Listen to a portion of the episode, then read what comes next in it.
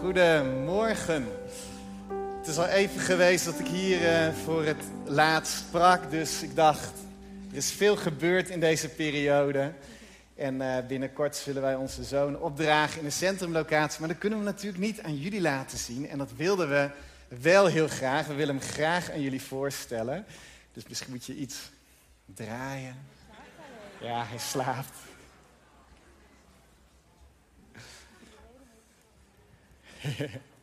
Dit is uh, Evian Henoch. En Evian betekent leven. En uh, ja, de tekst die we daarbij hadden was dat Jezus is gekomen om leven in alle volheid te geven. En dat bidden we ook over hem uit. Uh, dat hij leven mag brengen, maar dat hij ook het volle leven mag leven met Jezus.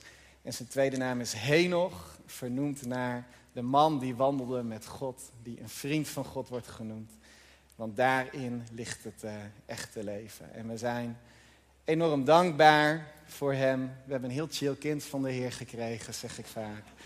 En uh, sinds week twee gaat hij al mee naar de kerk. Normaal dus naar de centrumlocatie, maar nu ook hier.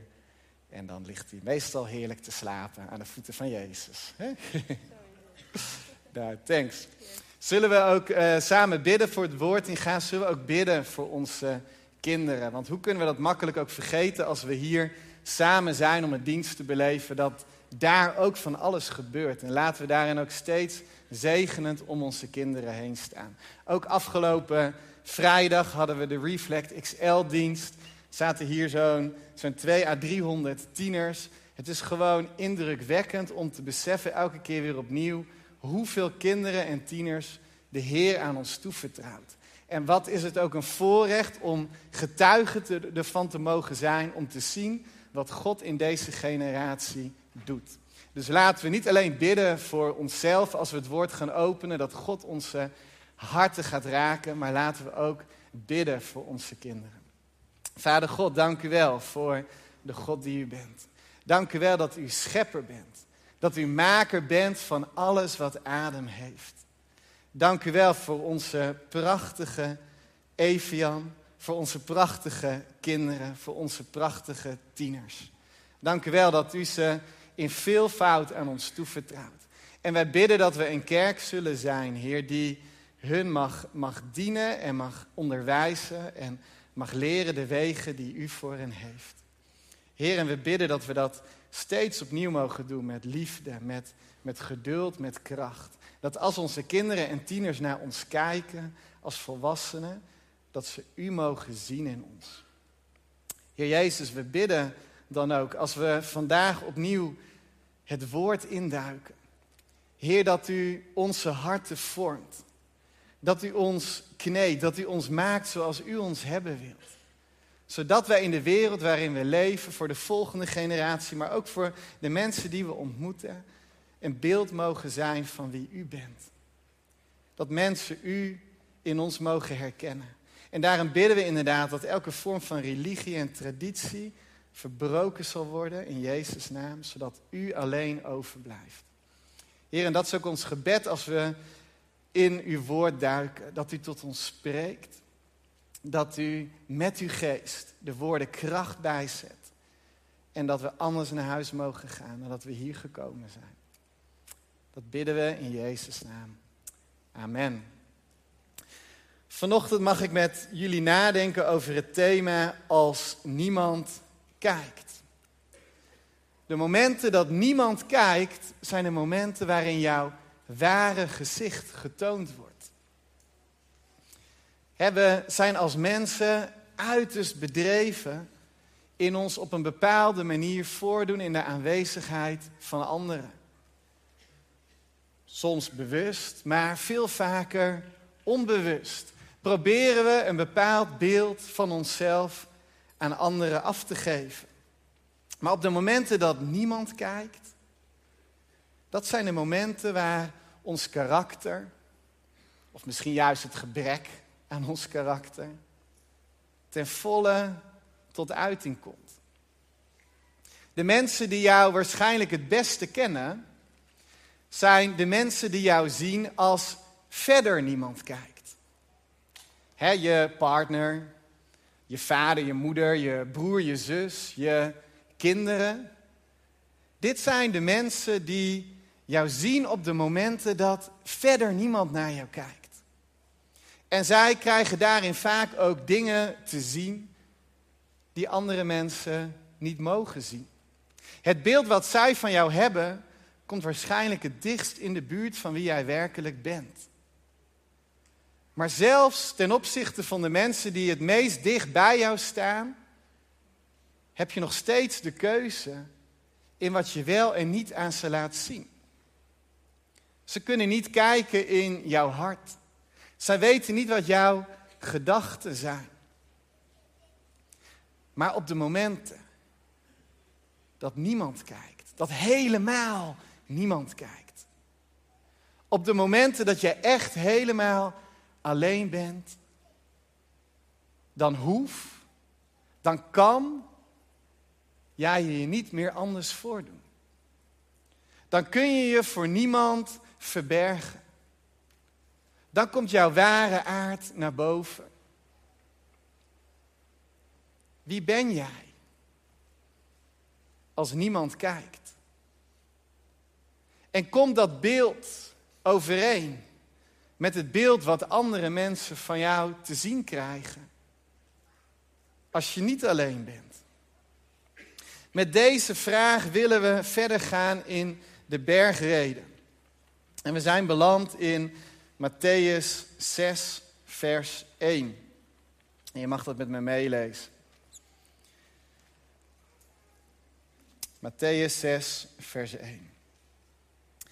Let op dat jullie de gerechtigheid niet beoefenen voor de ogen van de mensen, alleen om door hen gezien te worden. Dan beloont jullie Vader in de hemel je niet.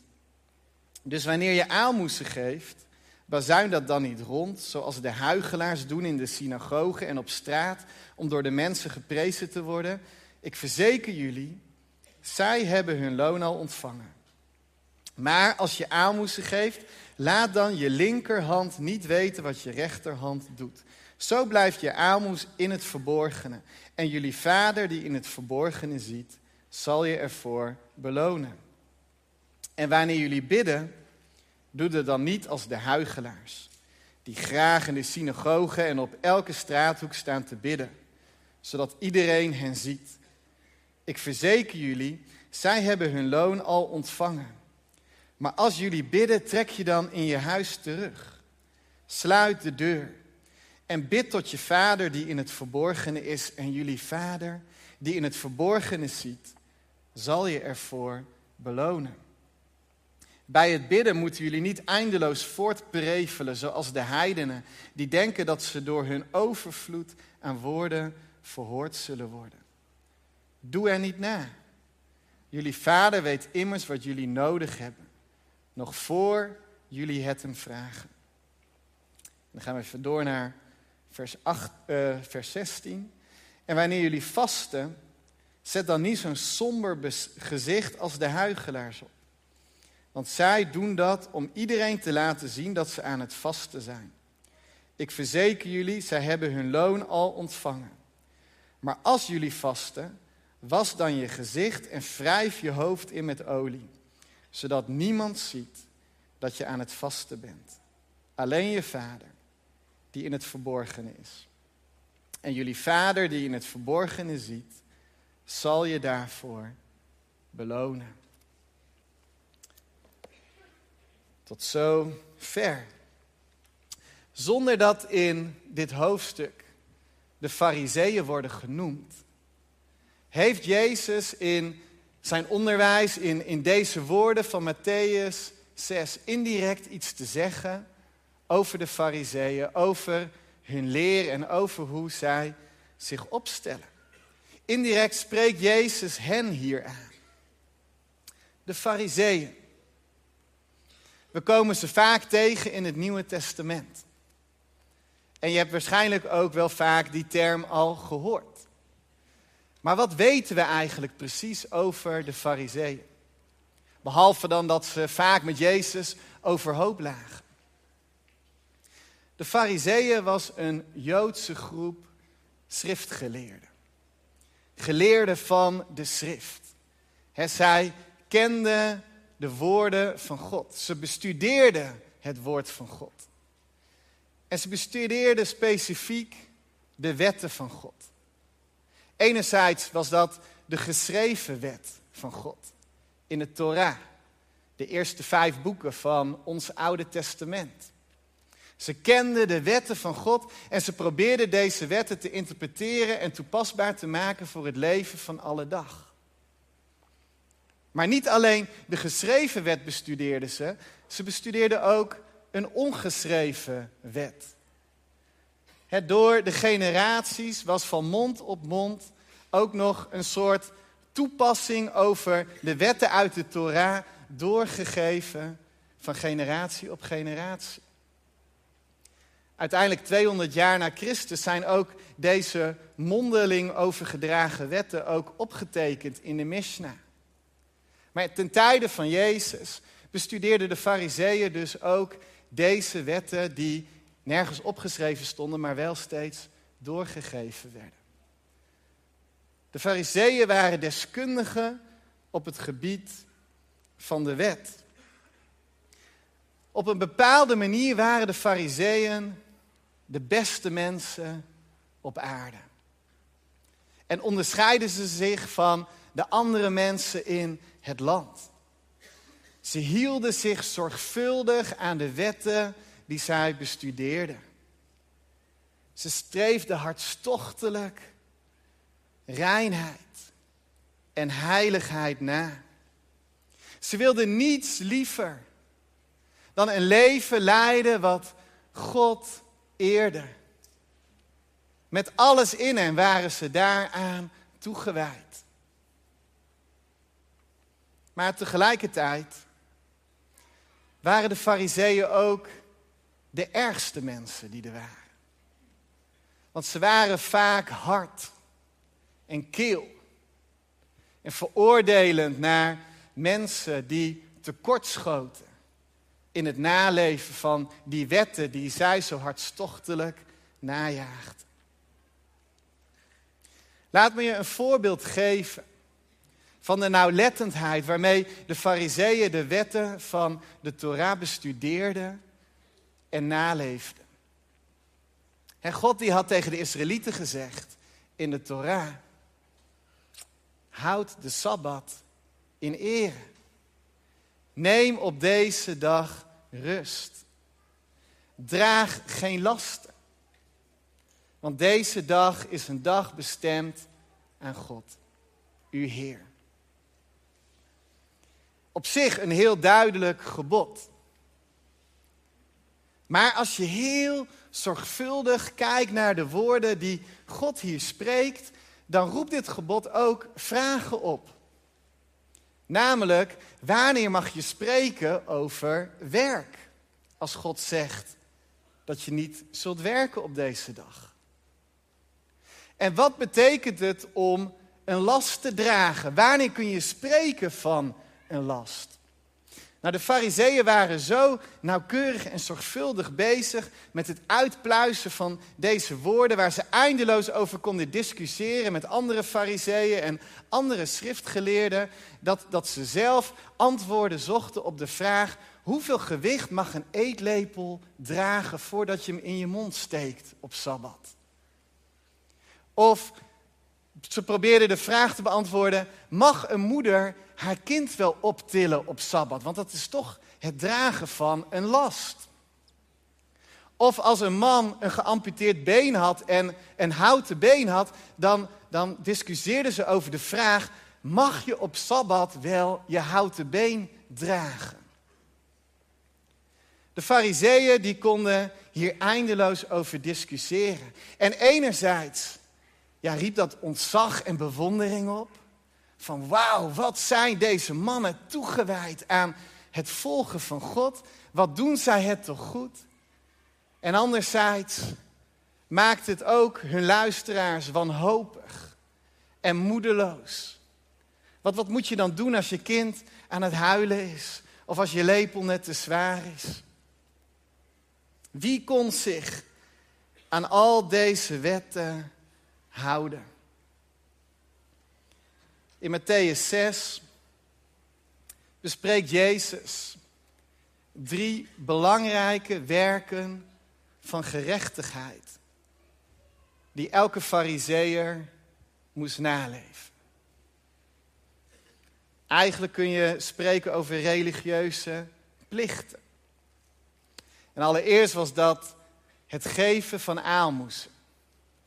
Vers 2 en 4. Het geven van geld aan de armen. Ten tweede was dat het gebed. De versen 5 tot en met 8. En ten derde vasten. Dus periodes of dagen of langere periodes niet eten, soms ook niet drinken. Om daarin zeg maar los te komen van al het lichamelijke en je daarin volledig te kunnen richten op God. Geven, bidden en vasten. Ze maakten alle drie onderdeel uit van de toegewijde levens die de fariseeën leefden voor God. En als je keek naar de fariseeën, waren dat eigenlijk de belichamingen van gerechtigheid. Als je keek naar de fariseeën, dan zag je hoe het leven bedoeld was. Zo had God het voorgeschreven. Maar Jezus die kijkt naar deze daden van gerechtigheid, naar deze religieuze plichten die de fariseeën zo nauwlettend opvolgden. En Jezus zegt, huigelaars. Het is allemaal huigelaarij. Harde woorden.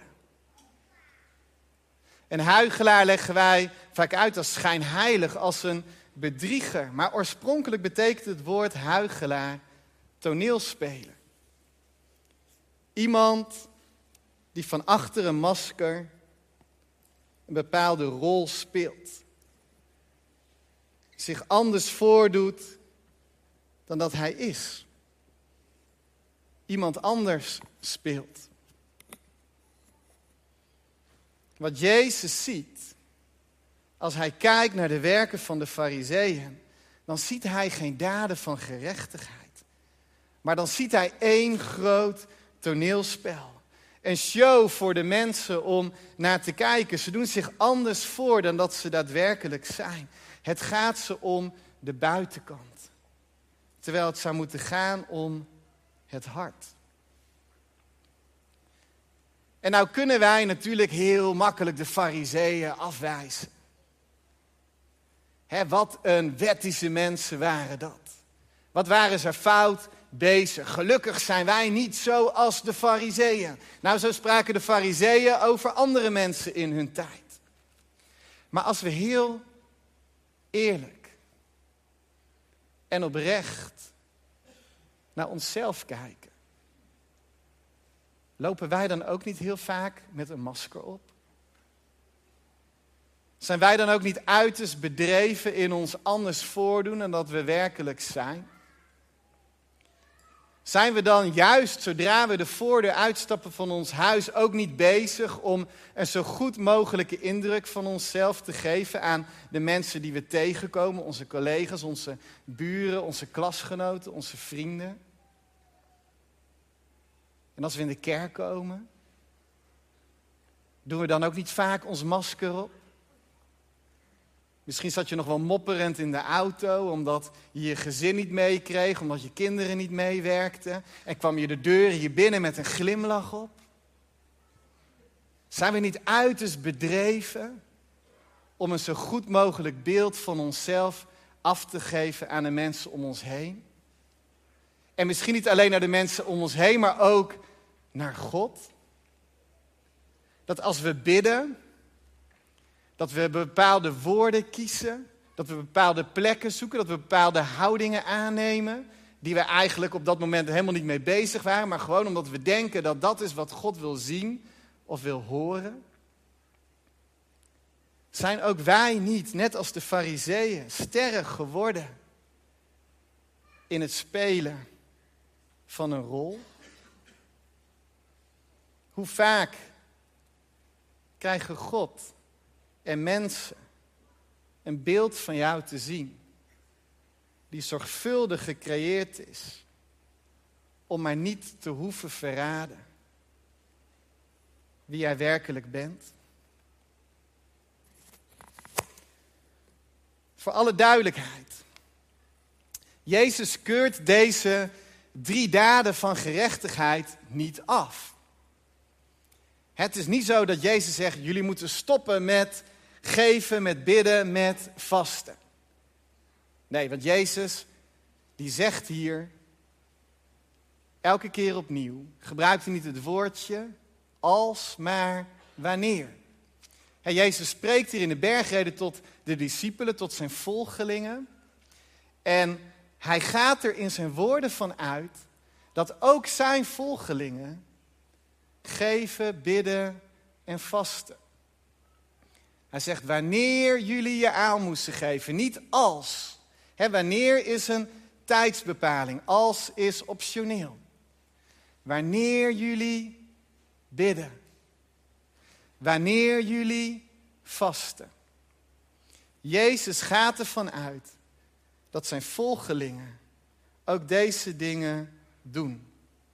Alleen niet op de manier zoals de fariseeën dat deden. Dus de vraag die we ons allereerst mogen stellen na het bestuderen van Matthäus 6 is: doe ik dat ook? Leef ik inderdaad mijn leven met God ook op die manier? Geef ik geld aan de armen? Neem ik regelmatig tijd om te bidden, te praten met God? Maakt vasten een vast onderdeel uit van mijn geestelijk leven? Ga dat eens bij jezelf na. Herken je deze drie? Of is een van de drie al lang geleden? Ben je bereid om je opnieuw op die manier toe te wijden aan God? Maar niet, nogmaals, zoals de fariseeën dat deden. dat de fariseeën aalmoezen gaven, dat ze geld gaven aan de armen, dat was natuurlijk super de armen die konden daarvan eten, die konden daarvan leven. Maar waar Jezus hun op aanspreekt in deze woorden, zijn hun motieven. Want hun motieven deugden van geen kant. Want op het moment dat ze geld gaven aan de armen, dan bezuinigden ze dat naar iedereen rond. Letterlijk staat hier het woord trompetteren. Dus elke keer als ze gaven, moest iedereen horen, kijk hoeveel wij geven. Kijk hoe goed we zijn. En Jezus die kijkt naar ze. En hij zegt, huigelaars, wat een poppenkast. Wat geven jullie toch groots van jullie zelf af? Wie ben je als niemand naar je kijkt. En op zichzelf was het prachtig dat de fariseeën veel tijd namen om te bidden. Maar het probleem met hun gebeden was dat hun gebeden meer gericht waren op henzelf dan op degene tot wie ze baden. Want als de fariseeën baden, dan verzekerden ze zichzelf ervan dat iedereen hun kon zien en iedereen hen kon horen. Hun mooie volzinnen die ze uitspraken. En die mensen onder de indruk maken van, wow, wat kunnen zij prachtig bidden. En nog een keer zegt Jezus, huigelaars. Wat een toneelspel. Wat bidden jullie als je van alles en iedereen afgescheiden bent? Wie ben je als niemand naar je kijkt? En het is heel mooi dat fariseeën zo regelmatig vasten. Ik denk dat veel van ons daar veel van kunnen leren. Maar als de fariseeën vasten, ja, dan stelden ze zich zo zwaarmoedig op dat niemand eromheen kon dat zij lichamelijk op dat moment aan het afzien waren. Ach en wee, wat ben ik toch zielig, wat heb ik het toch zwaar. Wat heb ik toch veel over voor God. En Jezus die kijkt naar ze. En een derde keer noemt hij ze huigelaars.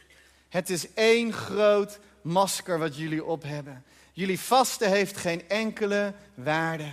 Wie ben je als niemand naar je kijkt? En nu hebben we soms als christenen, als volgelingen van Jezus, de neiging als we deze woorden van Jezus horen en tot ons nemen, om daar vervolgens dan ook weer op een fariseese manier mee om te gaan. Van, oh, als ik geef, dan moet ik het zo doen. En als ik bid, moet ik het zo doen. En als ik vast, dan moet ik me wel daaraan houden. Ik sprak een keer iemand en die zei, ja, als ik vast, dan mag niemand dat weten. Anders heeft het voor God geen enkele betekenis. Dus als ik vast, dan vertel ik dat ook aan niemand. Maar elke keer als ik vast en naar mijn werk ga, dan zul je net zien, dan is er altijd een collega die taart meeneemt. En elke keer als ik vast is er altijd, worden er altijd broodjes kroket uitgedeeld. En al mijn collega's die weten hoeveel ik van broodjes kroket hou. En dan probeer ik dat af te wijzen, maar dan blijf ze het maar aanbieden. Want je houdt er toch zo erg van. Maar ja, ik mag niet zeggen dat ik vast. Dat heeft Jezus gezegd in Matthäus 6. Maar hoe moet ik dan omgaan met deze situatie? Ik denk dat Jezus deze woorden niet spreekt. Dat Hij ons niet wijst op onze manier van geven, bidden en vasten. Omdat Hij onze nieuwe wet op wil leggen.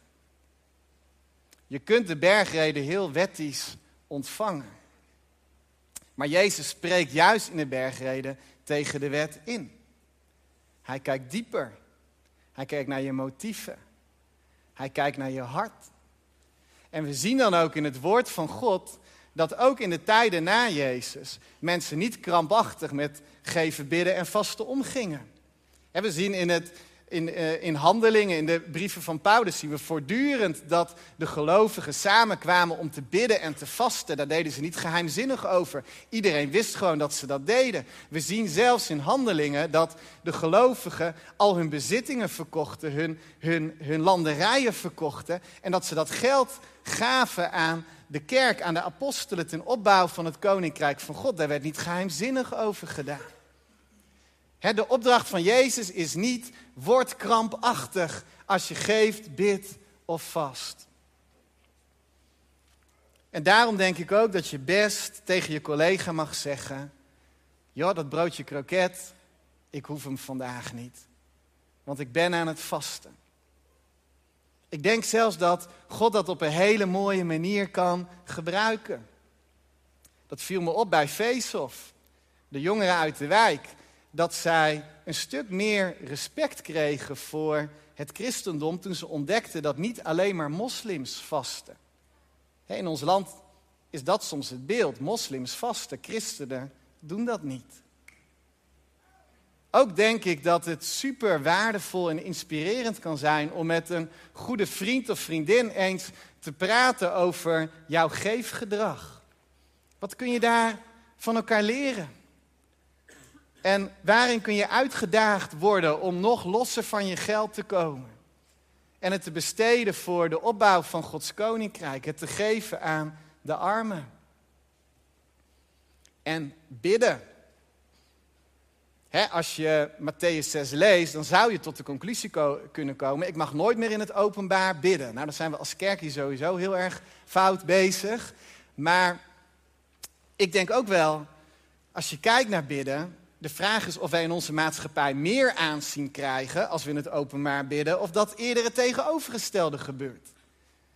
Ja, als ik eerlijk ben, ik bid niet per se altijd voor elke maaltijd. Mag je van vinden wat je vindt, maar dat is gewoon zo. Maar als ik uit eten ga in een restaurant ben, in het openbaar ben, dan bid ik juist graag hardop. Waarom? Want ik schaam het evangelie Christus niet. Iedereen mag horen dat er nog steeds christenen zijn in dit land en in deze stad. En dat is een prachtig moment ook om dat te laten zien. Het probleem met geven, met bidden, met vasten van de Fariseeërs was niet dat het zichtbaar was, maar dat ze het deden niet om de eer van God, maar om de eer van mensen, om hun eigen eer. En in de kerk hoeft dat niet anders te zijn. Zelfs in onze meest geestelijke activiteiten kunnen we meer bezig zijn met het imponeren van elkaar dan dat we God blij willen maken. En dat geldt niet alleen voor geven, bidden en vasten. Dat kunnen we ook in tal van andere dingen doen. Misschien als Jezus vandaag hier in de kerk was geweest, had hij ons wel gewezen op hoe we omgaan met het podium. Oh, hoe kunnen we aan de haal gaan met, met de zangers of met de sprekers hier of in het land waar we ontzag voor hebben. Van, oh, die spreker of, of die zanger, die heeft het begrepen. Denk eens na over profeten. Mensen die profetieën, woorden van God verspreiden. Of gebedsgenezers. Soms staan we als gelovigen letterlijk in de rij om maar iets van hun te ontvangen. Om een woord van hun te krijgen of een aanraking van hun tot ons te nemen. Alsof zij iets kunnen geven wat je van God zelf niet zou kunnen ontvangen. En voor je het weet, zijn we ook in de kerk bezig met één grote poppenkast. Met één groot toneelspel. Met ons podium, met onze profetieën, met onze genezing. Maar ze zijn er niet voor jou. God bestaat niet voor jou. Wij bestaan voor Hem. En alles wat we doen zou moeten zijn tot de eer van God. Het behagen van God. Het alleen behagen van God. Het altijd en in alles behagen van God.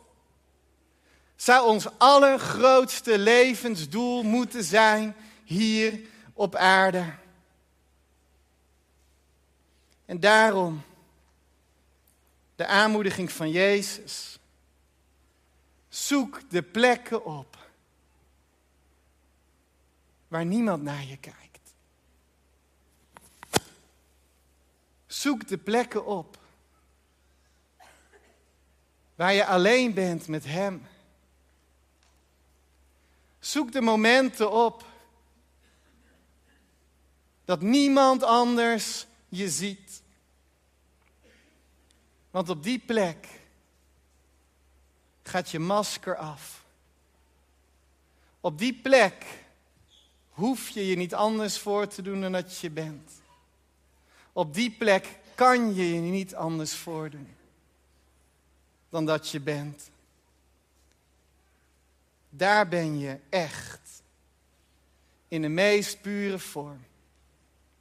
Wat Jezus zoekt, is echtheid.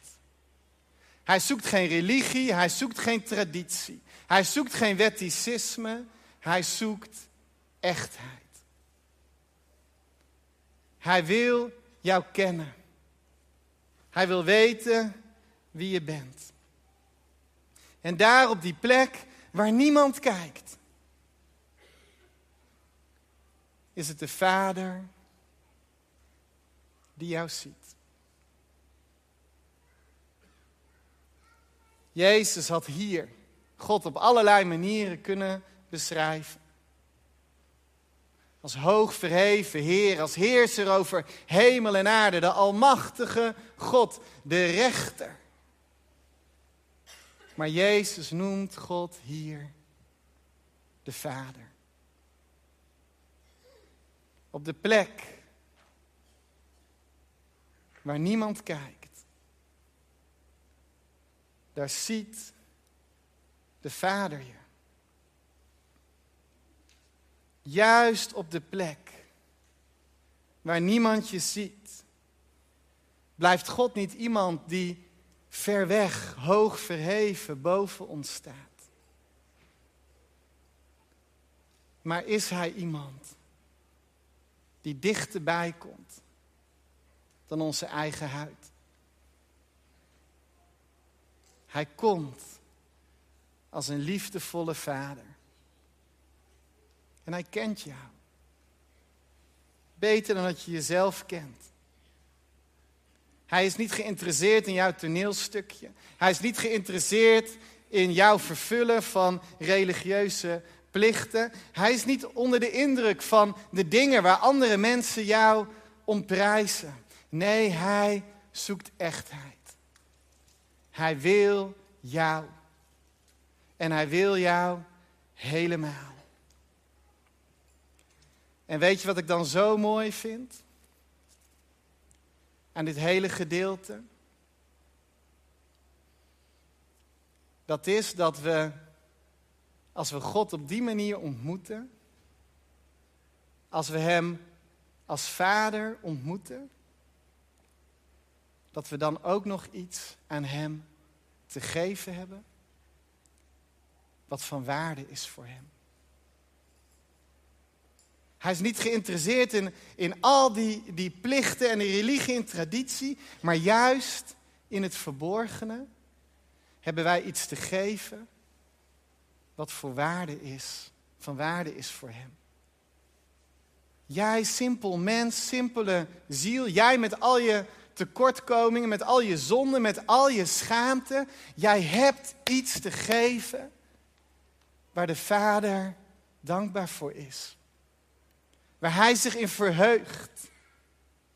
En waar Hij je voor wil belonen op het juiste moment. In jouw geven, in je bidden, in je vasten.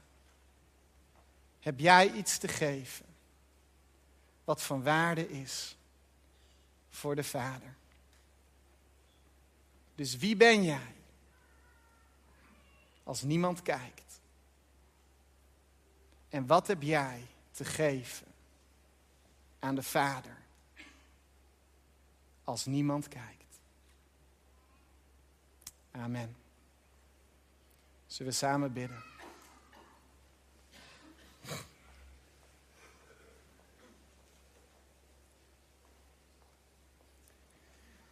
Dank u wel, Jezus, dat u opnieuw zo krachtig en zo duidelijk uw woorden tot ons richt. Dank u wel dat u ons opnieuw roept om een leven te leven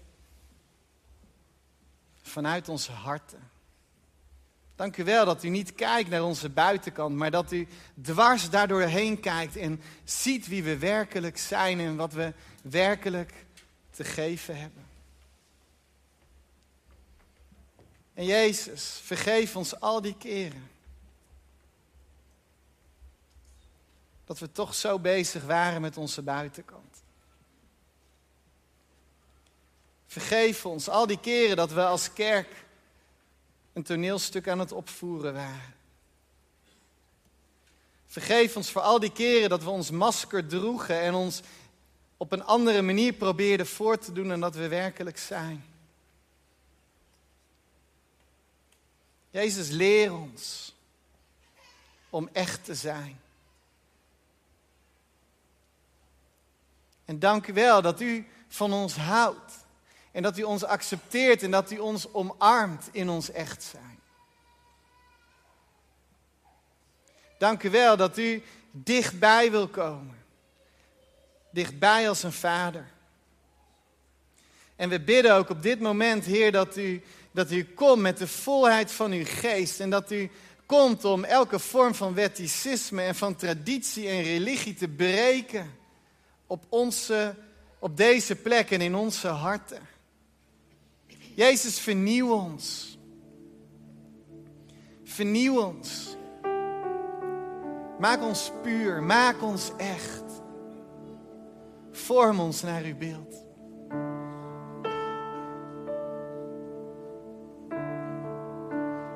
En ik wil jou ook vanochtend vragen. Ben jij bereid om jouw masker af te zetten? En hou jezelf niet voor de gek. Denk niet, ik heb geen masker. Hou jezelf niet voor de gek. Ben je bereid om je masker af te zetten? En bij God te komen, volledig zoals je bent.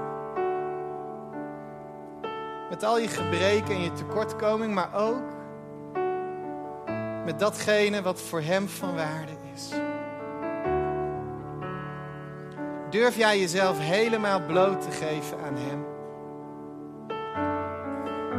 Durf jij je volledig te laten zien?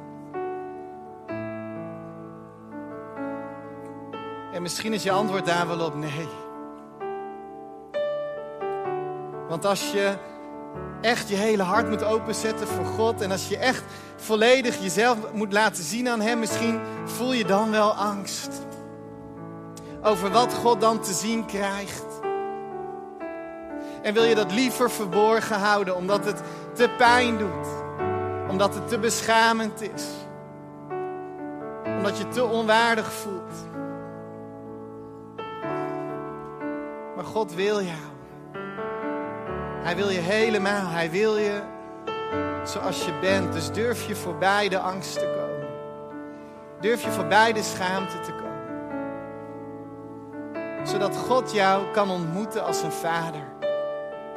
En jou kan nemen in zijn liefdevolle vaderarmen. Jou kan omgeven met zijn wezen. Je kan troosten en je kan vullen. En ben je bereid om dan iets te geven aan Hem wat van waarde is? Woord in een gebed. Een keuze om anders om te gaan met je geld.